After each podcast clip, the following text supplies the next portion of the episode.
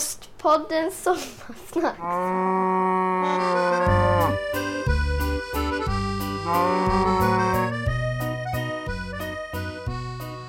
Det här är Ostpoddens sommarsnacks och jag är Johan.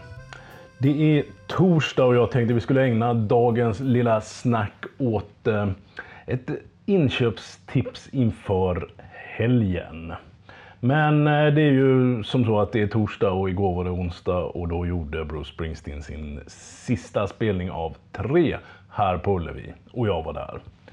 Ehm, och jag lovade att återkomma med någon sorts eh, recension. Och eh, det var bra, tycker jag. Lät förvånansvärt bra, även uppe på våra platser som var ganska högt, ganska högt upp. relativt nära scen ändå, på långsidan. Eh, femma i både Aftonbladet och Expressen. Jag kanske inte riktigt hade satt det om jag skulle ha recenserat på det sättet. Men eh, jag är ju varken recensent eller Springsteen-kännare. Något jag däremot har skapligt bra koll på, det är ost, tycker jag. Och eh, getost är något jag tycker du ska skaffa dig bra koll på om du inte redan har det. Mitt tips, en av mina allra största favoriter när det gäller getostar, är en liten historia som heter Crottin de Chavignol. Och det här är en rund liten historia, eh, aningen mindre än en golfboll tippar jag. Jag spelar inte golf själv så jag har inte riktigt referensen klar, men någonstans där. Eh, den är, eh, liknar en golfboll lite grann i ytan också. Den är, inte, den är lite så skrynklig i ytan, vit. Eh, lite fast och sen när du skär igenom den så är den eh, de yngre ostarna är lite så här nästan smuliga som getost tenderar att vara. Om man, en enkel referens är ju till hur en, en sån här chèvre-rulle ser ut när man eh, skär igenom den. Lite det här liksom smuliga inuti. Och eh, som namnet antyder så är det här en fransk ost från eh, Sancerre-regionen i Loiredalen. Och Loiredalen är ju känt för egentligen att vara någon sorts franskt epicentrum för eh, både eh, getostar och eh, vinproduktion.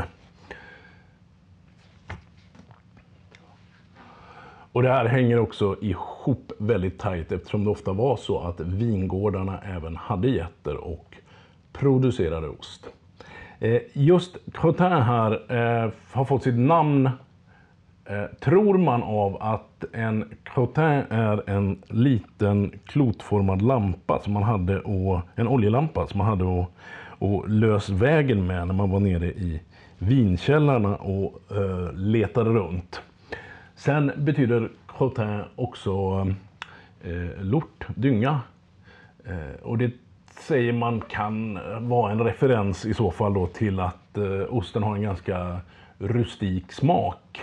Och det får den väl framförallt kan jag tycka när den, om man låter den eh, mogna på och torka så då, då kan de bli nästan knallhårda och så blir de så här riktigt peppriga och lite oljiga och jag tycker det är vansinnigt gott det också. Men man kan välja vilken story man vill där. Eh, sen kan man ju välja också att tycka att den kanske ser ut som en liten eh, lort, eller en stor harlort. Det är ju en annan referens än golfbollen då, eh, men osten är vit.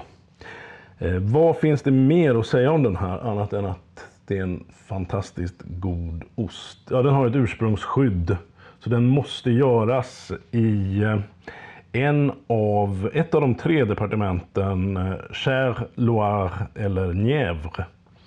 Man måste använda eh, getter av, och nu vet jag faktiskt inte vad det heter på svenska, utan eh, rasen heter Alpine Goat, eh, så vitt jag kan förstå. Den ska göras på eh, eh opastöriserad getmjölk, givetvis. Eh, och eh, jag törs nog säga att det lilla löp man använder i, eller den lilla koagulant man använder i det är eh, animaliskt löpe. Eller löpe blir ju det då. Eh, och för det här är en, eh, det som kallas för laktikost. Eh, det är alltså en ost som man i princip låter koagulera genom att mjölken får surna, eller syra kanske låter bättre då, under väldigt lång tid. Eh, så att det kan vara typ att mjölken får stå i rumstemperatur över natten eller så.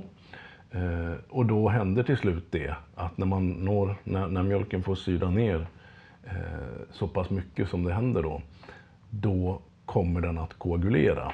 Eh, egentligen helt utan löp, men man använder ofta lite löp ändå för att hjälpa den här processen på traven.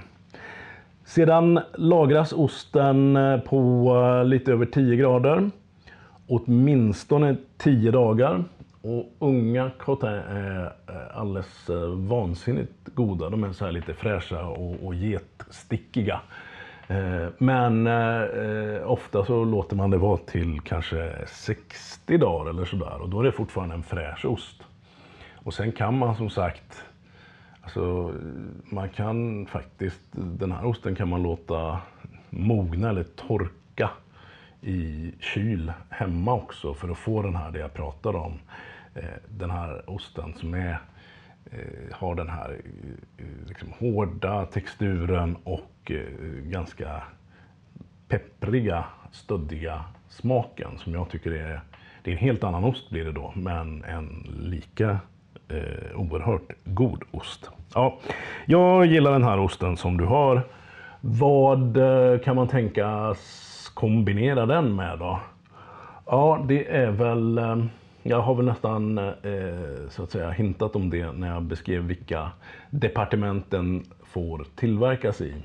Ett eh, Sancerre-vin kan väl passa eh, alldeles utmärkt till detta. Eh, gärna gjort på Sauvignon Blanc. Så bottom line. Eh, leta rätt på en eh, Crotin eller två till helgen. Eller tre och så sparar du en och ser vad som händer med den när den får eh, åldras lite grann.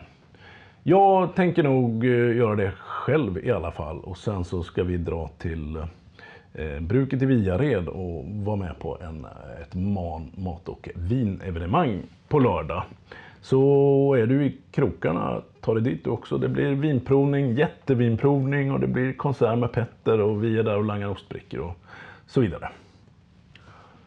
Medan jag preppar för det så eh, kan väl du eh, passa på att följa Ostpodden på Instagram om du inte redan gör det.